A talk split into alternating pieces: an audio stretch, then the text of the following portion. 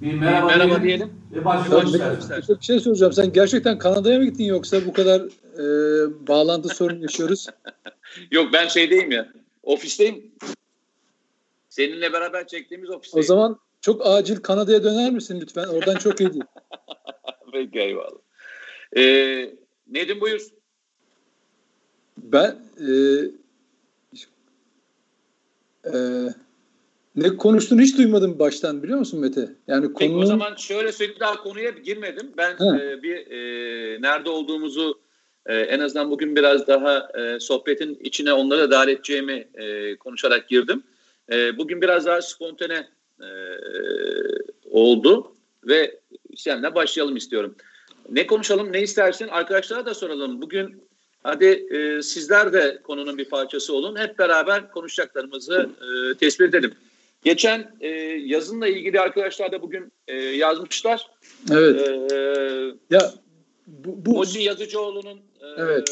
öldürmeden Önemli bir konu. yazı.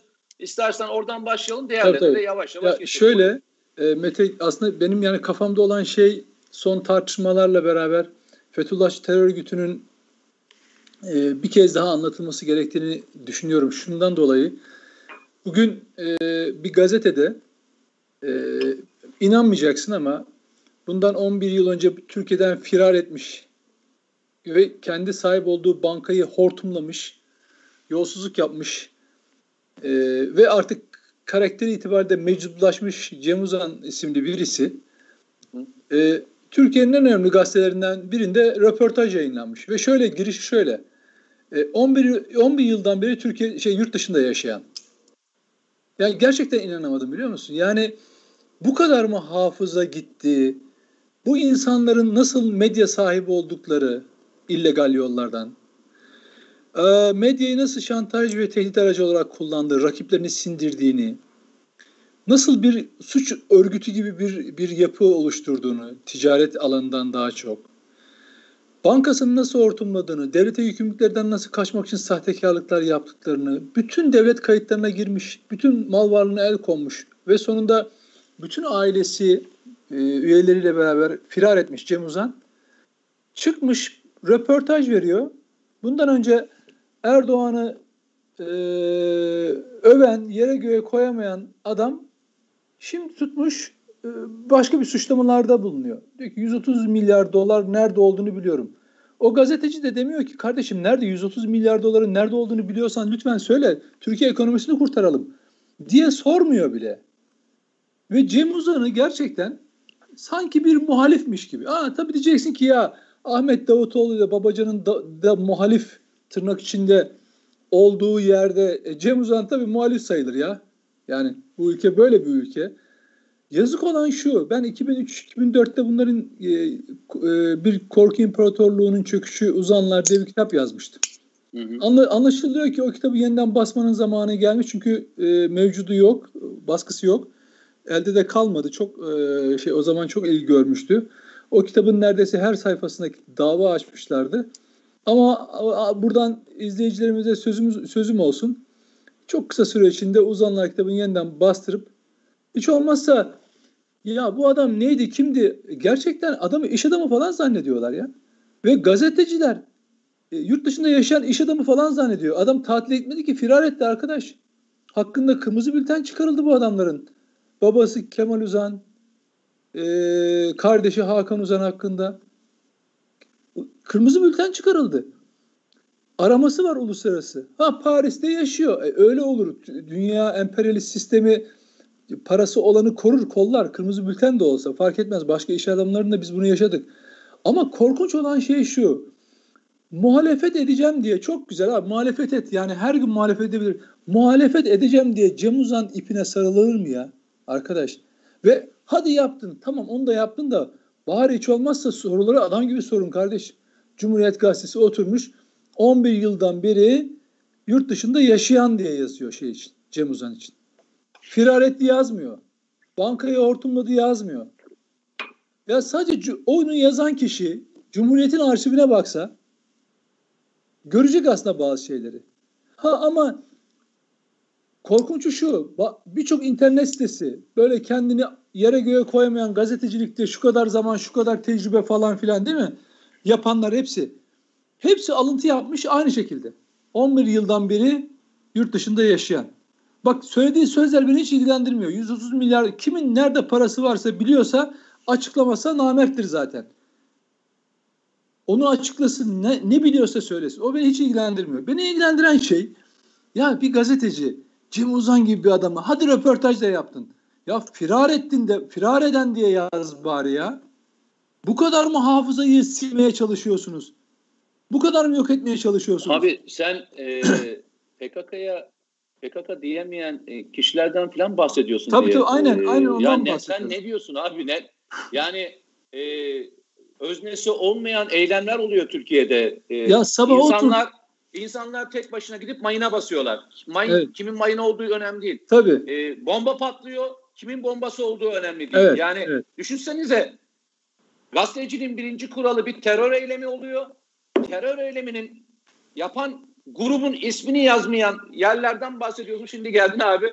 Tabii. Cem Uzan'a mı düştük yani? Ya hayır arkadaş. Allah helal olsun sana. Yani. Hayır şu Vallahi ama. helal olsun yani. Yo yo. Onu yapanların PKK'ya PKK konusuna bu şekilde yaklaşanların e, yüzündeki maske düştü. Benim ilgilendiğim şey şu. 11 yıl önce Türkiye'den çıkmış 2003 2, yani yaptığı yolsuzluklar 2003-2004 yıllarına ait bu arada. Yani yaklaşık 17 yıl önce bir takım yolsuzluklar artık böyle göklere varmış. Sadece Türkleri değil yabancıları da dolandırmış. Bazıları da çok seviniyor. Diyor ki Aa, Amerikalıları dolandırdı ya ha ha falan filan. Yahu seni de soydu bu adam. Ya seni de soydu. Ama yani niye Amerikalıları dolandırmış? Şimdi beslediği adamlar var. Sosyal medyada gruplar oluşturduklarını ben biliyorum. Beslediği adamlar var. Onun besle her zaman vardır böyle adamların beslemeleri. E, korkunç olan şey şu. Ülkede tamam iktidara muhalefet yapacağım diye kardeşim Cem Uzan ipine sarılıyorsun. Lan bari de ki gerçeği yaz. Bu adam firari, firari. Gelse tutuklanacak. 40 yıla yakın hapisi var. Ben geçen gün yazdım. Geçenlerde yine böyle dönme işaretleri falan veriyor diye haberler çıkınca oturdum. Tekrar araştırdım. Nedir durumu diye. 40 yıla yakın hapis cezası var. 6 milyar dolar halen TMSF'ye borcu var hocam. Diyor ki benim borcum yok. E o zaman gel. Hadi gel kardeşim. Ya bunları anlıyorum. Bu aktörlerin rolleri bunlar. Bunları oynayacaklar. Zamanında beslediği yani şöyle bir şeye sığınıyorlar. FETÖ kumpasını bana yaptı. Ha sen dolandırıcılık yapmadın yani. Öyle mi? Sen dolandırıcılık yapmadın. Çok iyi. Bak o dönemde o dönemde o e, birimlerde çalışan FETÖ'cüler vardı. Ama senin uzana yapan uzana yapılan operasyonu Türkiye'nin en dürüst savcılarından bir tanesi yapmıştı Şişli Adliyesi'nde. En dürüst. Herkese tanır. Talimatları o vermişti. Çünkü yolsuzluk ihbarları ona gelmişti. Yani FETÖ, FETÖ'cüler yaptı diye bu operasyonun zamanında mesela FETÖ'cüler o zaman bir sürü mafya grubunu da tutukladı. Şeyde Sedat Şahinler, Sedat Pekerler, Se- Alaaddin Çakıcılar falan filan. Yani böyle FETÖ'cüler tutukladı falan filan diye kendini aklamaya çalışan suç örgütleri gibi. Bu da FETÖ kumpasını bana kurdu. Ya Allah aşkına Cem Uzan Cem Uzan ve ailesinin dosyasında bir tane Ergenekon'a benzeyen sahte döküman mı var? Sokuşturulmuş şey mi var?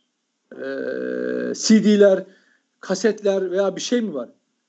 Ve bire ahlaksız sen yengene yani Hakan Uzan'ın eşine ağza almayacak küfürleri edip bunları da kaydeden adam sensin yahu. Senin kase, senin e, kasalarından çıktı bu kase, ses kayıtları. Ben Milliyet'te yayınladım.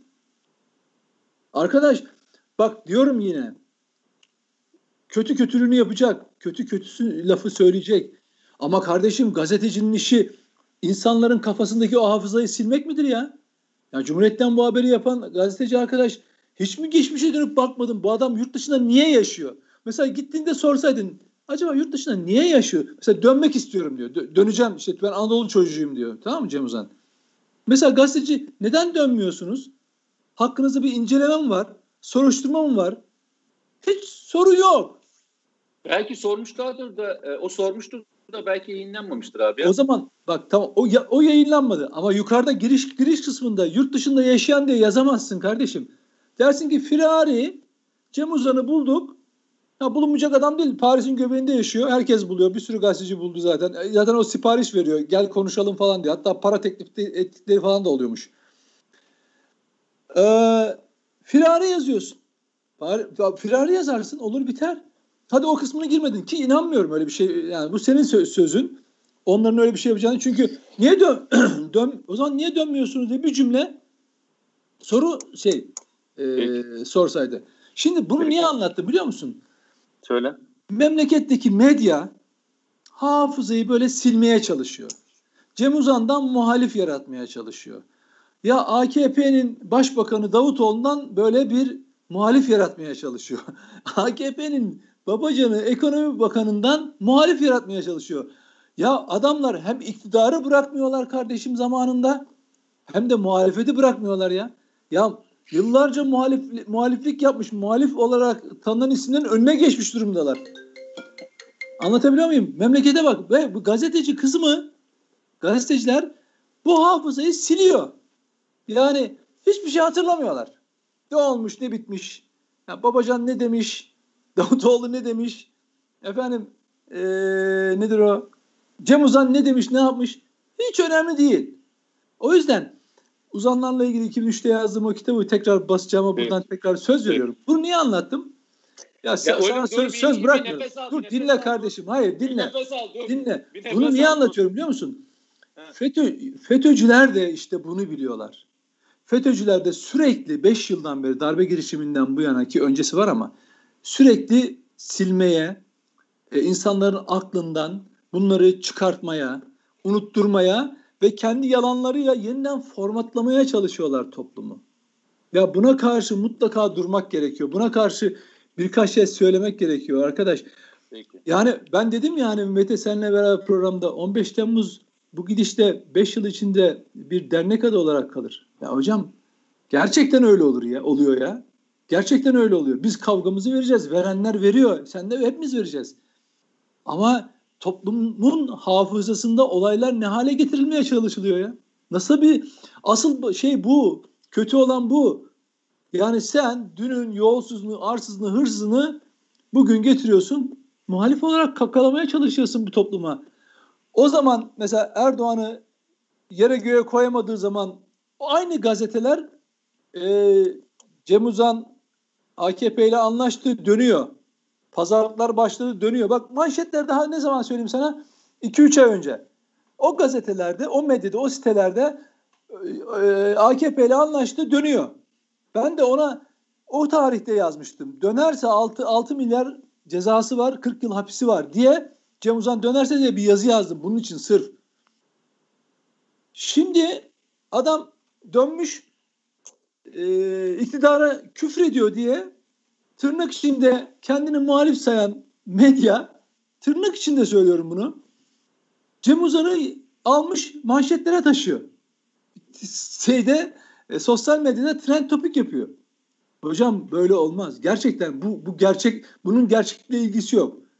Lütfen insanlar birkaç ay önce Cem Uzan'ın AKP'yi yere göğe koyamadığı e, röportajlarına baksınlar. O günlerde bu medya, bu medya, bu besleme medya o günlerde Cem Uzan için ne yazmış? Aynı medya, aynı gazeteler bugün ne yazıyor? O günlerde ne yazdılar? AKP ile anlaştı dönüyor. Ben de o tarihte dön, dönerse 40 milyar e, şey 40 e, yıl hapis 6 milyar ceza diye yazdım hafıza tazelensin diye. Şimdi o medya dönmüş Cem Uzan'dan muhalif yaratmaya çalışıyor ya. Ya bu kadar bir millete ondan sonra dünyanın yani Türkiye'de en itibarsız meslek gazetecilik deyince Türk halkı hiç kimse kızmasın. Çünkü bütün anketlerde siyasetten de ordudan tabii ordudan zaten ordu, yargı, polis, gümrük, siyaset, bürokras, meclis e, efendim ne sayarsanız say. En itibarsız birim Türkiye medyasıdır. Türkiye medyasıdır. Bunun muhalifi, yandaşı falan filan ayırmıyorum. Türkiye medyasıdır. Türkiye'de hiç itibarı olmayan sıfır itibarı yani birdi yüzde birdi bu itibar birdi. neredeyse sıfır ettikleri bir noktaya gelmişiz arkadaş. Ya terör örgütlerinin sözcüsü oluyorsun. Terör örgütü PKK'ya terör örgütü diyemiyorsun. FETÖ'cülere cemaat diyorsun. Devlete terörist diyorsun. Oturmuş Cem Uzan'ı güzelliyorsun. Hafızayı siliyorsun. Ya ne güzel memleket ya. Valla çal çal oyna burası. Böyle bir ülke. Neyse kusura bakmayın. Estağfurullah. Ee, bitti mi? Ara verdim şimdilik. Çok iyi ara verdim. Güzel bir laf. Şimdi e, tabii Cem Uzan konusunda seninle, seninle kitap yazmış bir insan olduğu için çok fazla konuşmayacağım ama e, yazında geçen e, Muhsin Yazıcıoğlu e, konusuna bir değinmek evet, isterim. Evet, tabii. E, FETÖ'nün FETÖ olduğu dönemde tabii. ben bununla ilgili bir belgesel çektim. E, dört bölümlük bir belgesel bu. Yaklaşık 25'er dakikadan 100 dakikalık bir belgesel. İçinde e, raporları falan da e, koydum ve e, o dönem gidip yerinde inceleme yaptım. Tanıklarıyla konuştum, aile yakınlarıyla görüştüm, avukatıyla görüştüm. E, ilk e, naaşı bulan e, muhtarı buldum. E, araziden yürüyerek e, helikopterin düştüğü yere gittim. E, mesafeleri ölçtüm. E, o gün e, dinlenmiş olan işte konuşmalar, konuşmaların içerisine geçmiş olan raporlar, raporların içerisine geçmiş olan birçok bölümü koydum. Ve e, şunu söylemiştim, o zaman da söyledim, aynı şeyi şimdi de söylüyorum. E, Muhsin Yazıcıoğlu'nun e, öldürüldüğü kanaati bende çok e, şiddetle hala devam ediyor. Yani benim kanaatimi sorarsanız bu bir kaza değil, bir öldürülme. Neden öldürülme diye söyleyeyim. Çünkü içinde e, birbirini takip eden, akıl ve mantığa sığmayan onlarca e, bir tane var. Bir şey göstereceğim Mete. Söyleyeceğim. Şunu görebiliyor mu izleyiciler? Şöyle yapayım. Bir göster bakalım. Şöyle BBC BBC Türkçe. Cem bunu ekrana daha sonra verir. Hı hı. Cem Uzan, Cem Uzan BBC Türkçe bile Cem Uzan'dan haber yapıyor. Allah aşkına altına beğeni yapan ve RT yapanlara bir bak oldu mu? Bak müsait olduğun zaman. Olur olur bakarım. ya ya bakarım. işte işleri Cem Uzan'a kalmışsa vah ki vah hocam ya. Neyse.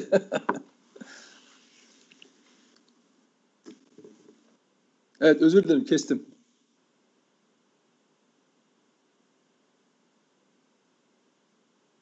Evet, oradan e, haberin içeriğimlerin e, yaptığını e, görebilirler e, diye söyleyeyim. Şimdi evet. e, sana şeyi söyleyeceğim. E, o zaman e, incelediğimde birincisi helikopterin düşmesiyle ilgili teknik olan bölümü e, çok ayrıntısıyla e, konuşmuştum. Hatta bununla ilgili bütün raporları, daha yayınlanmayan raporları da e, içine koymuştum. E, arkasından e, arama sırasında yaşanan ihmaller e, silsilesi biliyorsun e, e, ilginç bir şekilde e, Türksel'in söylemiş olduğu işte oradaki bazı istasyonların söylemiş olduğundan çok daha farklı bir yerde aramaya Hı. sevk ediliyor biliyorsun gibi evet. onlarca şey var. Evet. Hatta çok ilginç başka bir şey daha var. Çok ayrı küçük bir ayrıntı söyleyeceğim. Normalde bu şekilde e, uçak ve helikopter kazalarında e, ölenlerin e, kan numunelerinden zehirlenip zehirlenmediklerini araştırmasıyla ilgili bir teknik analiz yapılıyor. Yani bu normal bir prosedür. Olması gerekenlerden bir tanesi. Aile bunun yapılmadığını anlayınca, aile bunu yapılmadığını anlayınca e, bir şekilde avukatları vasıtasıyla başvuruyor ve son kan örneğiyle bu yapılıyor. Ve ilginçtir. O şeyde yazmıştım ben bunu. Ee, arka arkaya bulunan, e, oturan üç kişi de e, zehirlendikleri ortaya çıkıyor. Uçakta altı kişi var. E, üçü arka arkaya oturuyor, öbür üç sırada arka arkaya oturuyor. Bunların tek tek şeylerini falan koyduk. Onlarla diyorum ya sana, yani akıl mantığı durduracak kadar e, onlarca iş var içerisinde. Onlarca iş var. Ve o zaman şunu söylemiştim. Ee, neden e, böyle bir olayın gerçekleştiğini aradan yıllar geçtikten sonra hep beraber göreceğiz ama e, sıkıntı şu olacak demiştim. Bu kadar değerli bir adam, değerli bir insan hayatımız içinde olmayacağız. Evet. Yapılacak tek bir şey var. Onu geri döndürmek mümkün olmayacak ama bundan sonra yaşanacak olan süreçleri belki engelleyebilecek önümüzde bir e, şey olabilir. Durum olabilir. Çünkü bu bir suikastse iyi planlanmış bir suikasti deşifre etmek bundan sonra yaşanacak olan olayları da engelleyebilir. Sen bununla ilgili bir sürü kitap yazıldı. Evet. Yanlış hatırlamıyorsam bir tek belgesel ben çektim bununla ilgili. Ee, ama hala bildiğim kadarıyla dava devam ediyor. Doğru mu? Şimdi Mete e, Yazıcıoğlu gerçekten e, dosyasıyla beraber zamanında da e, düşünce ve duygu dünyasıyla yalnız bırakılmış bir adam. Onu anlıyorsunuz. Yani nasıl düşüncelerinde, ahlaki normlarında, etik ilkelerinde belli bir ölçü standarda sahip olan bir kişi yalnızlık çekiyorsa o da o yalnızlığa e, kapılmış. Ama toplumda yani çok ilginç bir şeydir tabii. Toplumda çok büyük bir sempatisi var. E, milliyetçi çevrelerde. Ama çok ilginçtir. Bizim insanımız böyle. Çok seviyor, yere göğe koyamıyor. Ama seçimlerde e, ona o ilgiyi göstermiyor. O sonucu, o rakamsal sonucu vermiyor. Gidiyor parti aidiyatı Öyle. daha ağır basıyor. Ya ben de hani hani herkes demokrasiden falan bahsediyor ya. Kardeşim bak tek başına bir adam. Ölçüleri belli, ilkeleri belli. Niye oy vermiyorsunuz? E kazanamaz ki zaten. O yüzden şuna veriyoruz. E sen vermesen kazanamıyor adam yani. Şimdi dolayısıyla hani bu e, düşüncelisindeki e, toplumla olan kalabalığını siyasi alanında arenada e, çok o kalabalığı yaşayamamış birisi. İlginç olan şu tabii. E, öyle bir, e, bir cinayet dosyası ki bu. Şu anda herhalde 5 ya da 6 tane ayrı davası var. Yani 6 ayrı mahkemede ayrı davalar olarak yürüyor. Ee, arama kurtarmada görevini ihmal edenler, ee, şeyden helikopterden bir takım e, LT cihazları falan var. Onları bu e, göstergeler, onları sökenler FETÖ'cüler var. Aynı zamanda darbe girişiminde de ortaya çıkmışlar. Onlarla ilgili hırsızlık davaları. Bildiğim kadarıyla e Cumhurbaşkanı'na suikast Evet. E, Davut Uçum'la Ayhan Özsıcak. Evet. Kim, ee, kimin içinde yer alıyorlar bildiğim Evet. Kadarıyla. Yani şeye giden Marmaris'e giden ekibin Marmaris'e içinde. Marmaris'e giden ekibin içinde yer alıyorlar. Mesela yine e, o e, görüntü şeyin e, nedir onun adı? LT cihazı yani göstergeleri sökenler ayrı. Bir de ona imha eden var. Onunla ilgili ayrı dava var. Benzer mesela soruşturmalar Kahramanmaraş'ta. Hala ana dosya açık FETÖ'den bir soruşturma yürüyor. Ankara'da bir soruşturma vardı. O oraya gönderildi falan. Bu kadar parçalanmış, üzerine bu kadar çok rapor yazılan ama hiçbir yere gitmeyen ama faili herkesin bildiği bir başka dosya neredeyse yok. Doğru. yani şöyle, bu olayın tab girişinden sonuna kadar bugün yazdığım boyutu da işin öncesi. Her yeri FETÖ'cü kaynıyor. Ama her yeri FETÖ'cü kaynıyor. Öyle. Ama hala Fethullahçı terör örgütünün e, yönettiği bir suikast olarak her yönüyle incelenmiş ve ortaya konmuş değil.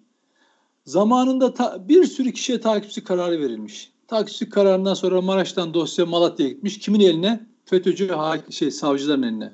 Onlar dosyayı kadük etmişler. Tekrar özel yetkili mahkemeler kaldırılınca Maraş'a tekrar geri gelmiş. Sonra FETÖ'cü bir mahrem imam itirafçı oldu. Ben yazdım geçenlerde.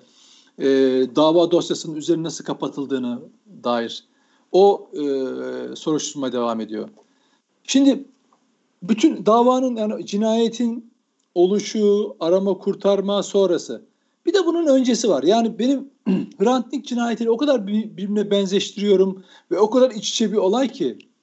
Çünkü Hrant şey e, Muhsin Yazıcıoğlu e, Hrant Dink cinayeti nedeniyle çok suçlanmış birisi partisiyle beraber. O hatırlarsanız Trabzon'da tetikçi grubunun içinde birisi vardı Erhan Tuncel. Bu da Büyük Birlik Partisi üyesi. Yasin Hayal Büyük Birlik Partisi üyesi.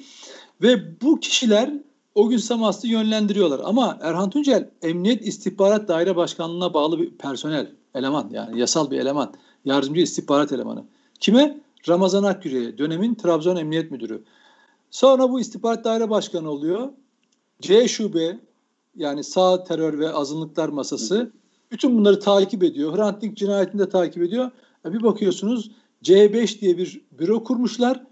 İllegal 2006 Haziran'ında C5 diye bir büro kurmuşlar. Burada Hrant Dink cinayetini, Hrant Dink'i takip ediyorlar. Yasin e, şey e, Muhsin Yazıcıoğlu'nu takip ediyorlar. Malatya Zirve'yi takip ediyorlar. Ergenekon dedikleri e, milliyetçi ulusalcı grupları takip ediyorlar. Bak bunun için bir ofis kurmuş. Şimdi ben de yazımda bunu anlattım. Bu bu bu bilgiyi ben 2015'te Hrant Dink davası ile ilgili iddianamede vardı. Oradan aldım, yayınladım. Tablosu da vardı. O tabloyu tekrar bugün gazetede Hürriyet Gazete'de yayınladım. Bunu niye yaptım? Çünkü Dink davası savcının mütalasından sonra artık sonlanmaya doğru gidiyor. Karar üzerine bir yorum yapıp yargıya etki suçu işlemek istemediğim için da mütaladan belli somut şeyleri alıyorum. Onu okurken de mütalayı bunu gördüm tekrar. C5'i unutmamış yani savcı C5'in kuruluşunu illegal C5 isimli bir büronun kuruluşunu unutmamış. E, e, mütalaya yazmış. Bu çok önemli. Çünkü niye? Hrant Dink daha öldürülmeden bu büroda Hrant ilgili dokümanlar tutuluyor. Sonra Hrant öldürülüyor. Muhsin Yazıcıoğlu öldürülmeden bu, bu büroda belgeler, bilgiler tutuluyor. Sonra Muhsin Yazıcıoğlu kazası denilen şey e, yani o suikast gerçekleşiyor. Malatya e, zirve katliamı, zirve yayın evinde insanların öldürülmesiyle ilgili olay daha gerçekleşmeden orayla ilgili bilgiler tutuluyor. Sonra Ergenekon operasyonu 12 Haziran 2007'de başladı biliyorsunuz. Ama Hı. 2006 Haziran'ından yani bir yıl öncesinden Ergenekon'la ilgili dokümanlar tutmaya başlıyorlar. Yani Kumpas'ın adresi yani mikro olarak adresi kurulduğu yer e, masası C5 büro istihbarat daire başkanlığı. Başında kim var? Ramazan Akgürek, Ali Fuat İlmezer. Kim bunlar? Dink cinayetindeki baş failler. Ve bunlar bakın e, diğer kumpaslarda da Ergenekon balyoz kumpasların mimarları, Selam Tevhid'in mimarları, MİT tırları e, durdurulmasının mimarları, MİT Müsteşarı Hakan Fidan'ın tutuklanma girişiminin mimarları yani döneminde yaşanan bütün olayların mimarları. FETÖ'nün en itibar ettiği adamlar bunlar. FETÖ'nün. Ve tüm operasyonu yürüten adamlar. Şimdi dolayısıyla bu işin hani olayın oluş anı sonrası var ama bir de evveliyatı var ki onları birleştirdiğin zaman başından sonuna FETÖ kaynayan bir olaydan bahsediyoruz Muhsin Yazıcıoğlu. Kötü olan ne? Bugüne kadar bunların bir bütünlük içinde ortaya konmaması. Öyle ki ben şimdi mesela Yazıcıoğlu konusuna biraz odaklandım tekrar. Ee, yani bir şeyler ya bu C5 meselesinden dolayı daha önce bir kitap çalışmam vardı benim C5 diye. Karanlık Oda Karanlık Büro C5 diye. Yani 2005 2015'te yazdığım kitaba benzer. Yeldaların yayın evinden çıkaracaktım. Hatta e, e, Türkiye gönderdim birkaç taslak şeyleri. Ama o yarım kalmıştı. Şimdi ona tekrar yoğunlaştım. Ee, bu C, C5'in C5'in FETÖ'nün operasyonel e, bürosu olduğunu anlatıp Yazıcıoğlu'nun da bu işin neresinde olduğunu ortaya yani daha doğrusu Yazıcıoğlu suikastinin neresi olduğunu ortaya koymaya çalışıyordum. Ya bunu yap bunu yaparken bütün derdim şey.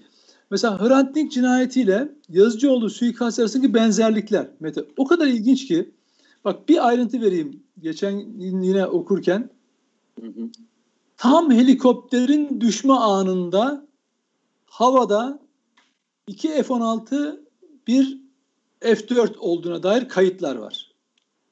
Ama genel, Genelkurmay'dan 2011'de ilk gelen cevapta en yakın e, uçağın 78 kilometre uzakta olduğu söyleniyor. Bir süre sonra Malatya'ya gelen cevapta ise en yakın uçağın 28 kilometre yakında olduğu söyleniyor. Tamam Bak kendi içine çelişki. Ve çok ilginç bir şey. Bu uçaklar o 28 kilometrelik yakınlıkta yani kaza yerine olay helikopterin düştüğü yere 28 e, dakikalık 28 e, kilometre yakınında ya Mete. Hı hı. ne oluyorsa memleketteki tüm askeri radarlar bir anda o uçakları gözden kaybediyor. Tam 4 dakikalık radar kaydı siliniyor hafızadan. Bak olayın olduğu anda ve e, sonrasına ait tam 4 dakikalık askeri radar kayıtları yok ediyor kardeşim. Nasıl? Şimdi Ve diyorsun sana, ki 20'si bak şimdi bak bir şey söyleyeceğim bak dinle dinle. Bak, şey, bölme, bilgi bölme, yanlış. Bölme, bilgi yanlış. Bölme, abi bölme. bilgi yanlış. Hayır değil bilgi değil. yanlış. Değil. Abi yanlış. Değil. Yanlış bilgi. Bilgi yanlış. Değil. Ben sana abi yanlış. Söyle sen yanlış. Doğru. Bak yanlış. Ben belgeselini çektiğim için sana doğrusunu anlatayım. Ee, şimdi orada şöyle bir durum var abi. Senin ilk başta anlattıkların hepsi doğru. Hepsi doğru. Yani e, ama bir F-16 veya bir F-4'ün bu uçağı düşürmesine gerek olan bir e, durum yok. Yani e, bu kadar yakından geçen bir F-4 ve F-16 olmuş olması durumu yok. Daha sonra e, hiçbir kayıt yok e, denen kayıt e, ailenin ısrarı sonucunda, aile ısrar etmesi sonucunda Erzurum'da başka bir dosyanın içinde bulundu ve daha sonra e, mahkemeye arz edildi. Yani şu anda o anda yani Musin Yazıcıoğlu'nun helikopteri havada olduğu anla ilgili e, Erzurum'daki Hava Radar Komutanlığı'nın serverında bulunup daha sonra teslim edildi. Son yalnız, durum bu. Yalnız Son durum o, bu. O, o, o uçakla şimdi e, bir o radar radarla ilgili şeyi okurken bir turunu 10 saniyede tamamlıyor radar. O, o radar e, bilgileri uçakların tam konumlarını vermiyor. Şimdi savcılığın şüphesi şu. Bu artık bu saatten sonra araştırma bilmiyorum ama araştırmalı, araştırmalı, araştırılmalıydı. İki, e, askeri radar, askeriyenin elindeki radar kayıtlarından tam da o dakikaların her şeyin 24 saat var. Ama tam da o 4-5 dakikalık bölümün olmaması bana şeyi çağrıştırdı. Hrant Dink 19 Ocak 2007'de Agos Şişli'de Agos'un önünde gazetenin önünde saat tam ee, ee, 15 civarı 15 civarı öldürüldü. Ee, Orada olay, seni.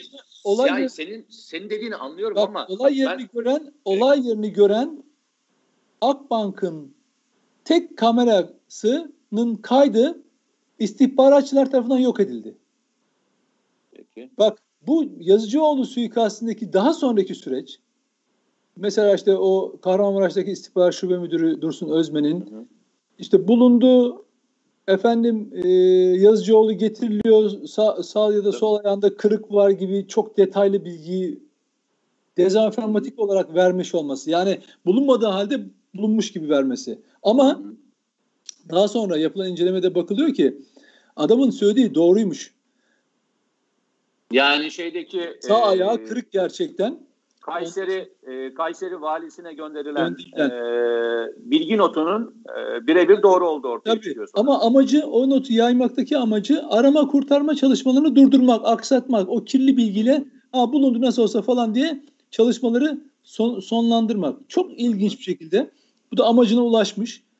Zaten gece yarısına doğru, akşama doğru 6-7 saat sonra insanlar hayatını kaybetmiş. En son e, İsmail Güneş. İsmail Güneş'in çenesinde konuşamayacak derecede kırık ama dakikalarca e, 112 ile 115 ile falan konuşuyor.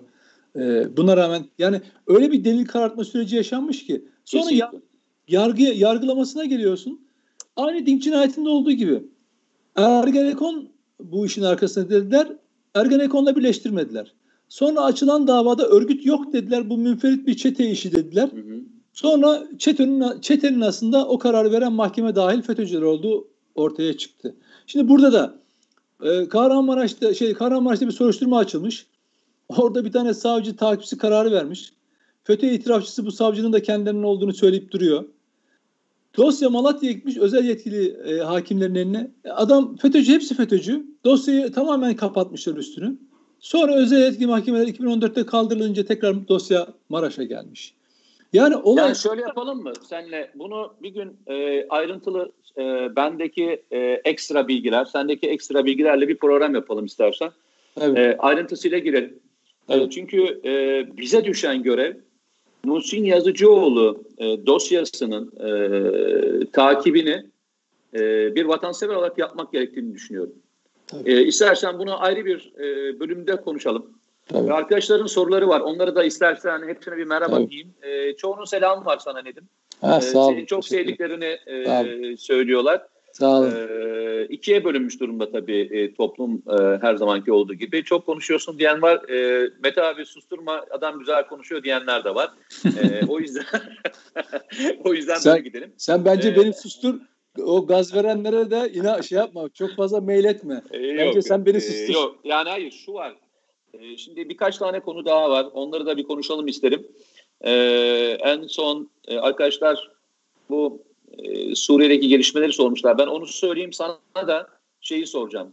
E, Kemal Kılıçdaroğlu'nun bu vergi kaçırma ve diğerleriyle ilgili konuşmasını müsaade ya, edersen ben şu e, bir e, Suriye'yi tamam. bir toparlayayım. Arkadaşlar tamam. Barış Pınar Harekatı bölgesinde geçen günlerde de her gün yayınlanıyor. Her gün bölgeye sızmaya çalışan en az 5-6 kişilik bir grup e, etkisiz hale getiriliyor.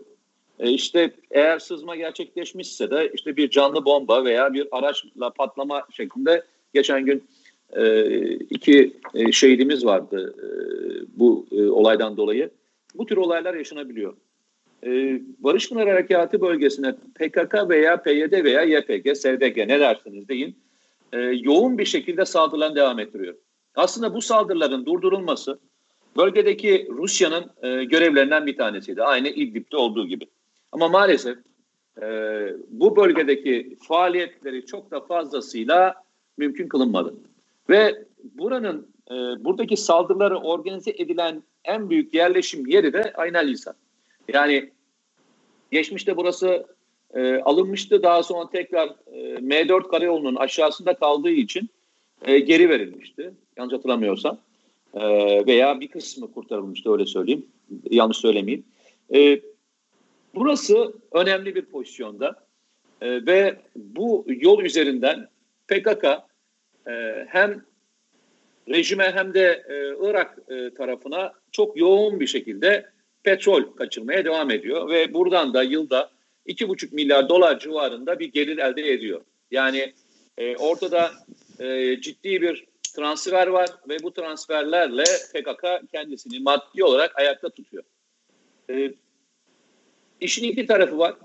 Ee, Türkiye Özgür Suriye ordusuna verdiği destekle bu bölgedeki e, PKK terör örgütü unsurlarını bir şekilde e, etkisiz hale getiriyor. Arkasından da devam eden sürecin içerisinde iki tane şey var. Bulunduğu Barış Harekatı bölgesinin batı ve doğu sınırları içerisinde de sızma girişimleri var. Yani yakın dönemde Sayın Cumhurbaşkanı da ifade ettiği üzere e, Barış Pınar Harekatı'nın e, belli alanlarında bir operasyonu hep beraber görebiliriz arkadaşlar. Çünkü verilmiş olan sözlerin hiçbir tutulmadı. Ne Amerika Birleşik Devletleri tarafından ne de e, Rusya tarafından.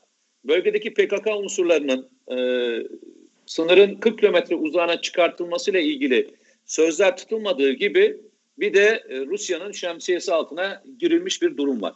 Bu nedenle e, Türkiye tek taraflı, e, küçük çaplı operasyonlar yani belki Barış Pınar Harekatı veya Fırat Kalkanı gibi olmasa da sağa sola yani batıya ve doğuya doğru bazen de güneye doğru genişlemeler hep beraber görebiliriz. Yani bugün gördüğümüz tablo e, Barış Pınar Harekatı bölgesindeki güvenliğin sağlanmasıyla ilgili lokal bir operasyon gibi gözüküyor.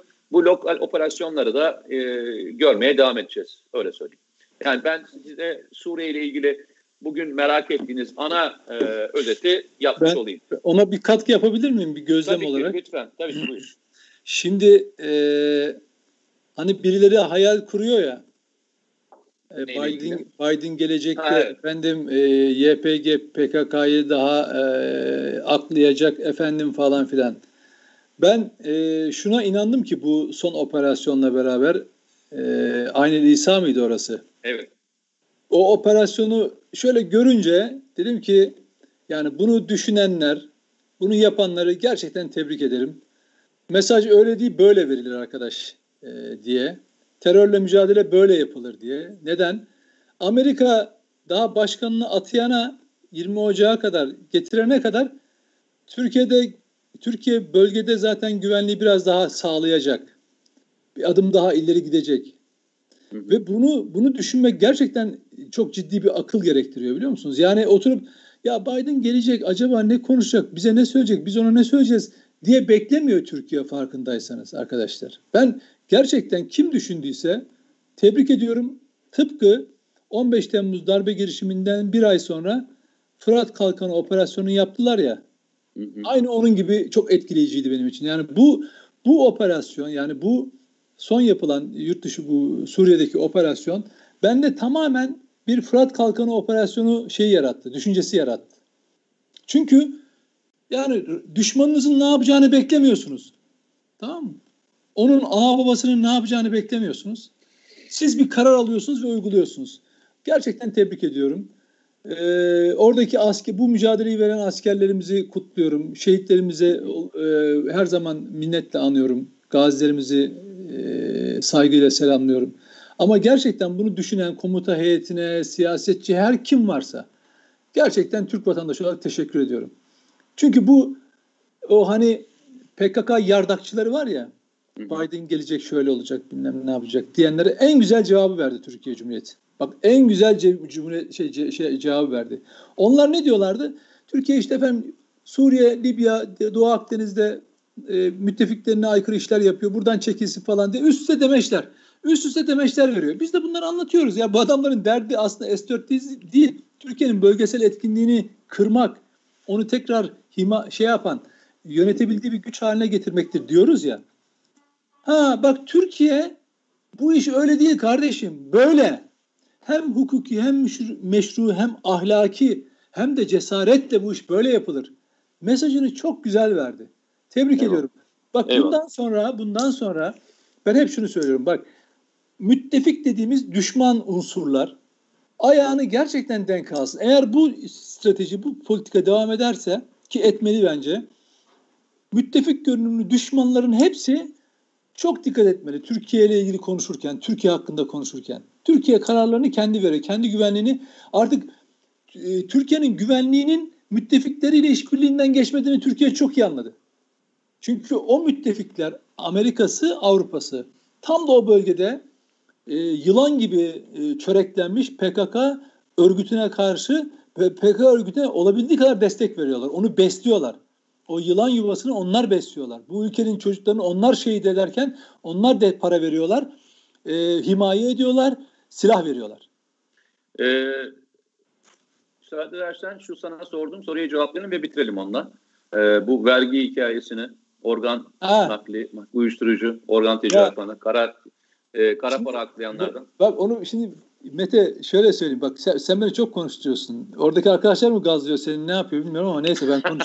sen zaten gerek de yok diyorsun sana yok, es- gazlamasına. Yok hayır estağfurullah. Canım, hayır, estağfurullah. Maliye konusu bildiğim konulardan birisidir. O yüzden. Ee, hesap, hesap Ekon, uzman... yani ekonomi, ekonomi olduğu için evet, o yüzden. Evet, hesap, hesap uzmanları da çok e, şeydir, düzgün insanlardır. Yani şey olarak e, iyi insanlardır, kaliteli eğitim vardır ve hakikaten yurtsever insanlardır tanırım. E, Kılıçdaroğlu da şey e, eski bir hesap uzmanıdır. Yani Maliye Bakanlığı hesap uzmanları kurulu vardı. Bu hani şey anlaşılmasın. Sıfat gibi hesap uzmanı ya adam hesapçı falan değil. Bildiğiniz maliye müfettişi gibi hesap uzmanları var. Artık o kurul kaldırıldığı için birçok kişi bilmeyebilir diye söylüyorum.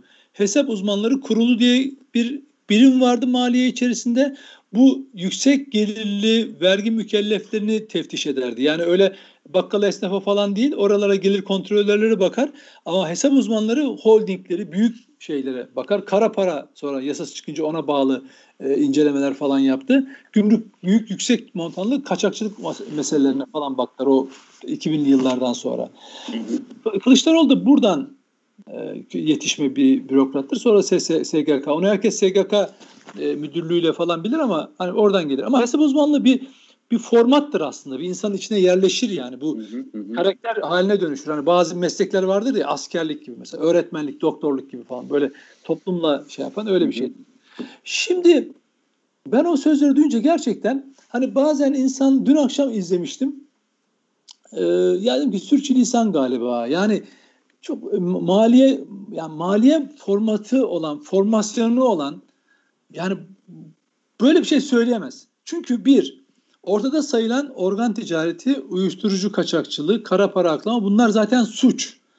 Burada bir gelir varsa ve devlet bunu ta, yani buna bağlı bir gelir varsa hem suçu önlemeye yönelik operasyon yapıyor hem de gelirlere el koyuyor. Kara para yasası zaten bundan dolayı var. Maliye kanun... Yani vergi almıyor diyorsun. Zaten paranın tamamını el koyuyor. Tabii el koyup koyup müsaade ediyor bir de bunu. Yani devlete hıfz ediyor, alıyor bunu. Şimdi organ ticaretinde bak şöyle cümle şöyle tekrar tekrar sabahleyin şeyi görmesem e, eski bir maliye müfettişi olan o da eski bir maliye müfettişi ve İstanbul defterdarı Akif Hamza Çebi. CHP'nin grup başkan vekiliydi zamanında. Şimdi üst düzey yöneticilerinden bir tanesi. O da genel başkanını savunmak için vergi usul kanunundan bir maddeyi, dokuzuncu madde galiba bir saniye evet. onu e, örnek vereyim.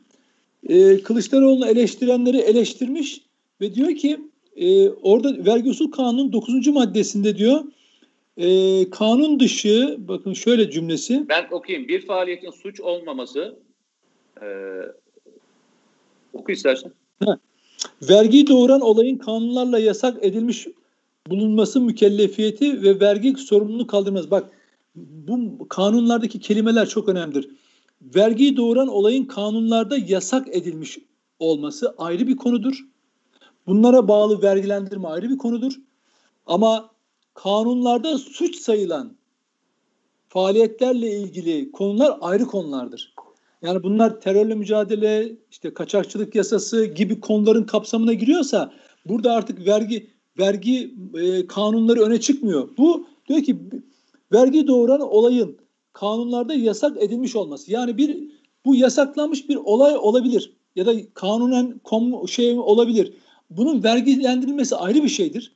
Bu onu yasağa kaldırırsınız ya da tamamen yasaklar o faaliyeti durdurursunuz. O ayrı bir şey. Ama organ ticareti, e, kara para aklama, uyuşturucu ticaretinden vergi almak şu demek. Hani e, vergilendirilmiş kazanç kutsaldır diye yazar ya şeyde maliye binalarında. Yani o zaman biz onun vergisini verelim biz bu işe devam edelim abi torbacılığa falan mesela. Ha? Yani torbacı mesela polis geldiği zaman şey vergi kartını çıkartıp ya da vergi lefasının şurasına asacak mesela asacak buraya. Abi bir dakika ya ben vergisini veren e, kutsal kazanca sahip birisiyim. Ya hakikaten bunu Akif Hamza Çebi gibi deneyimli ki eski İstanbul defterdardır kendisi. Eski Gelirler Genel Müdürüdür kendisi. Yani iki, birisi hesap uzmanı ki bu iki hesap uzmanı kuruluyla maliye müfettişleri de zamanda inanılmaz çekişmeler göstermişlerdir. Yani mesleki rekabet de çok yüksektir aralarında. Tamam aynı partide buluştunuz güzel. Ancak siz organ ticareti ve uyuşturucu ticaretini ve kara para Abi vergilendirmeyi aklınıza nasıl geçirebilirsiniz? Dese ki mesela bunu hiç, hiç üzerine örtseler, sussalar tamam hiçbir şey diyeceğim ki dün akşam aynen bunu düşündüm. Dedim ki ya abartmaya gerek yok. Yani adamın her ağzından çıkanda da insan bazen şey yapabilir. Lafsi olarak hata yapabilir, sürçülisan edebilir. Onu söylememiştir, başka bir şeyi kastetmiştir dedim ben. Ama sabahleyin gerçekten Akif Hamza Çebi'nin şeyini görünce ya dedim ki peki nasıl olacak? Yani biz e, vergi kanunlarına organ ticaretini vergilendirilen bir faaliyet olarak mı yazacağız? Hayır öyle bir şey tabii olmayacak. Dünyanın hiçbir yerinde olmaz zaten. Ki uluslararası bir suçtur organ ticareti. Kara para aklama öyle bir suçtur. Hayır yani temel şunu söyleyeyim de herkesin kafasında oturma. Sen üstüne basa basa söyledin ama bir daha tekrarlayalım. Zaten bu suçlardaki bütün gelirlere el koyuyor devlet. Tabii. Yani e, bu parayı bu buradan elde edilmiş olan para vergi almıyor. Tabii bak, tamamını el koyuyor. Tabii vergi vergi ya bir kerelik alınır veya sürekli alınır. Bir kerelik mesela size bir miras kaldığı zaman siz bir kerelik bir e, miras vergisi ödersiniz tamam mı? Ya da bir piyango çıkar onun vergisini ödersiniz. Ya da bir şey olur bir an e, bir olağanüstü kazanç elde eder bir seferlik vergi verirsiniz. Ama ticaret dediğiniz şey süreklidir. Yani bir kere yapılmaz. Organ ticaretini yapan adam sonra bir böbreği çalar e, işte pankreası bilmem ne yapar, mideyi bilmem ne yapar, işte kalbi söker, e, gözleri, retinayı falan söker. Organ ticaretini sonra sürekli haline getirir. Ya bu sürekli bir iştir. Bunun vergilendirme dönemleri mesela nasıl olacak? Mesela 6 ayda bir mi, yılda bir mi alacaklar? adam faaliyeti sürdürdüğü de devam ettirecek. Mesela torbacılar işte her alta muhtasar şey mi beyanname verecekler? Nasıl olacak? Yani hocam akıl sır almış değil. Ya bak şunu söyle, söyle bak dedim ki yemin ediyorum size iz dinlerken yani sen işte vergiyle ilgili konuşurken sen organ ticaretini engelle, kara parayı engelle, uyuşturucu ticaretini engelle demiştir. Ön onu kastetmiştir diye gerçekten bunu düşündüm samimiyette. Hiçbir şey de yazmadım. Hiçbir şey yorum dahi yapmadım. Yani güldüm geçtim. Hani yani insan sürçülisan diyor. Oldu da daha önceleri. Ama Akif Hamza Çebi'nin gerçekten vergi usul kanunundan maddeyi koyması, onunla organ ticareti falan o zaman tamam böyle bir vergi usul madde, kanununda 9'a ikinci fıkrası varsa uyuşturucu kaçakçıları gitsinler maliyeye kaydolsunlar. Abi ben yasal bir iş yapıyorum. Bak vergisini de vermeye geldim. Çünkü e, vergilendirilmiş kazanç kutsaldır dediler bana. E, Kılıçlar, ben olsam uyuşturucu tacirlerin yerine Kılıçdaroğlu'na oy veririm ya. Yani derim ki adam bak bizi e, vergi mükellefi yapacak. Yasal hale geleceğiz. Vergi mükellefi olmak ne demek? Devlet birisinin vergi mükellefi yapıyorsa ne demektir bu? Yasallaştırmak demektir. Bu mu yani? Hatırlar mısın? Ee, bir yıl önce falan Habertürk'te beraber yine programlara katıldığımız zaman ben e, Sosyal Demokrat Partilerin en büyük özelliğinin e, bölüşüm politikalarını yani maliye politikalarını topluma anlatmaktan geçer başarısı demiştim. Hatırlıyor musun? Yani diğer partiler böyle değildir ama e, şeyin Sosyal Demokrat Partilerin ana özelliği toplumda gelir eşitliğini sağlamaya dönüktür. Hani sosyalist partiler, sosyalistler gibi mala işte el koyup onu dağıtmak üzerine bir program veya bir projeleri yoktur. Mevcut sistem içerisinde vergi kanunları düzenlemeleriyle daha düşük gelirli olanlara vergi politikalarıyla aktarımlar yaparlar. Daha üst gelir grubunu yüksek vergilendirirler. Daha aşağıya az vergi transfer de sağlayarak eşitliği sağlamaya yani biraz daha refahı arttırırlar toplumda. Hı hı. Ama gerçekten böyle bir projeler olduğunu düşünmemiştim. Mesela Selin Seyakböke de geçenlerde e, şey bir takım iş adamlarının mal varlığına el koyacağız. Geldiğimiz gün el koyacağız falan demişti. Anlatabiliyor muyum? Yani böyle sonra TÜSİAD falan da ayağa kalktı. Ne yapıyorsunuz siz ya falan filan diye. Yani eğer bir adamın ihalesinde usulsüzlük varsa onu araştırmak, onu yargıya taşımak, onunla mücadele etmek ayrıdır. Ama sen malına mülküne bilmem neyine el koyuyorum dediğin zaman işlerine de el koyuyorum dediği zaman bunun yabancı ortağı var, onun hissedar, hisseleri var, bilmem ne var. Bunun etraflıca düşünmeden ağzına geldiği gibi konuşmak diye ben ona de, denir demiştim. Hatırlıyor musun? Selin Seyakböke konusu açıldığında. Ve evet. asıl mesele vergi politikalarının ne olacağını ben merak ediyorum demiştim. Meğer proje buymuş. Yani işi, işi hafife alıyorum biraz. Dalga geçer gibi oluyor ama ya arkadaş bu söylenmez yani. Gerçekten söylenmez. Peki, Hele peki. şöyle maliye konusunu kara para mevzuatını bilmeyen birisi söylese iyi de canım bak Türkiye'nin en kaliteli bak en kaliteli iddia ediyorum e, maliyecilerinin yetiştiği e, hesap uzmanları kurulundan çıkmış birinin de bu laflar etmesini yine maliyenin en kaliteli elemanlarının yetiştiği teftiş kurulundan Akif Hamza gibi Çebi'nin bunu böyle, bu şekilde savunuyor olmasından hakikaten üzüldüm. Yani ben biliyor musunuz yani maliye bilgilerini, maliye haberlerini bu insanlarla röportaj yapa yapa oradan doğan merakımla öğrendim yani. Hesap uzmanlarından öğrendim ben. Kara para nedir, vergi usul kanunu, 316. maddesi, naylon fatura. Ya memleketin memleketin hakkı için ne kadar çok uğraştılar bu insanlar biliyor musunuz? Ben onlardan öğrendim bunların nasıl e, kaliteli e, şey olduğunu ve gözlemledim. Yıllarca gözlemledim. Haber kaynaklarım oldular. Çok dürüst insanlardı hepsi. Hiç menfaatsiz, ülkesini seven insanlardı. Ama arkadaş bir siyaset uğruna bir laf edeceğim diye bu söylenir mi ya? Ya bu tarihe geçer ha böyle sözler biliyor musun? Yani hani yıllar sonra küpürlerini bulurlar, insanlar paylaşırlar. Bundan Doğru. kaçınmak lazım arkadaş. Doğru. Maliye Doğru. politikası yani böyle onun bunun malına el koymak değil. Bana aklı başında hangi gelir gruplarından nasıl mesela gelir vergisinde düşük e, şey yapan e, yüksek kazancı olanlara vergi oranını yüzde atıyorum 20'den 25'e 30'a çıkardım. Düşük gelirli olanları da işte 10'dan 5'e indirdim. Bu tra- bunların vaadinde bulun. Bunları göster. Eyvallah. İş dünyasına, Eyvallah. emek dünyasına. Budur ya çözüm. Eyvallah.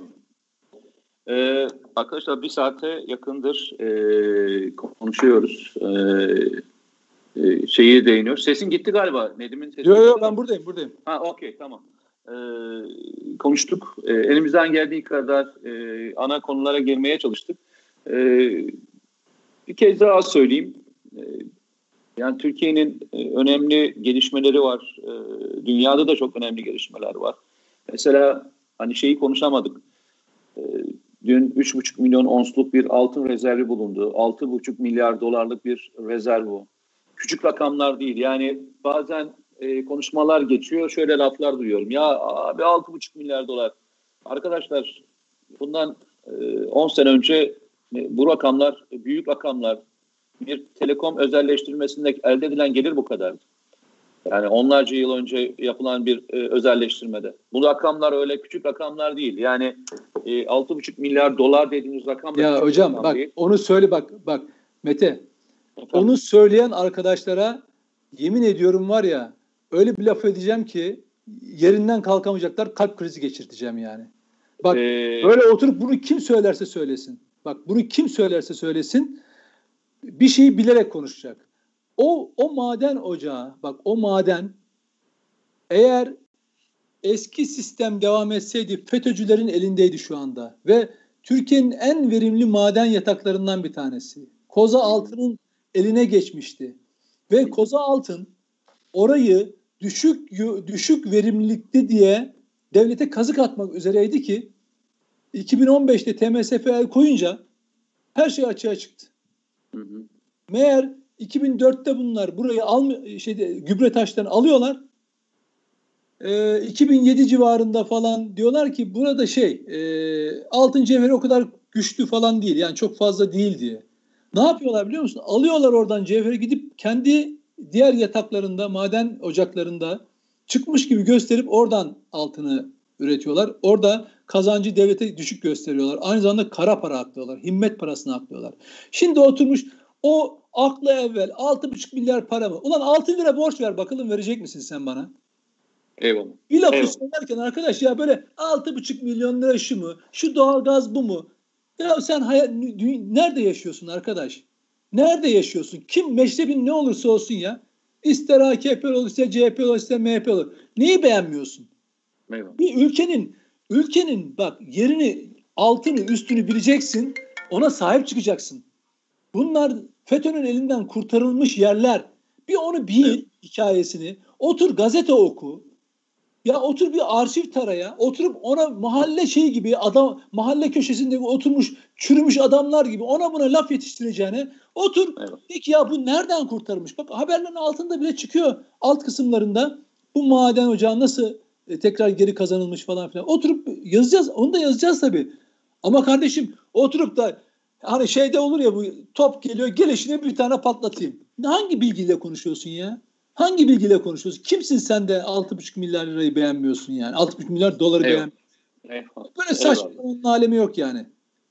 Eyvallah. Ee, arkadaşlar e, dediğim gibi birçok konu var arka arkaya e, konuşulacak. Onu da ikinciye e, bırakalım. E, muhtemelen e, Perşembe veya Cuma çekeriz. E, muhtemelen canlı çekeriz yine. E, Nedim kendine çok iyi bak. Akşam zaten e, seninle beraberiz. E, bu konulara muhtemelen orada da gireceğiz. CNN'de olacağız bu akşam evet. beraber. E, arkadaşlar çok teşekkür ederiz. Süper Haber'i e, iyi bir yere getirdiniz. Ama bu iş mücadele basit bir mücadele değil. Daha hızlı bir şekilde lütfen ilerleyelim. Ee, ilk 100 bini gördüğümüzde e, bizim ilk hedefimize ulaşmış olalım. Ben buradan da şeyimi söyleyeyim e, beni takip eden, YouTube kanalını takip eden arkadaşlara rica ediyorum lütfen e, burayı da takip alırsanız e, çok güzel bir şekilde burayı da istenilen seviyeye getirmiş oluruz. Kendinize iyi bakın. E, kolay gelsin. E, Allah'a emanet olun diyelim. Görüşürüz. Görüşürüz. Kolay gelsin.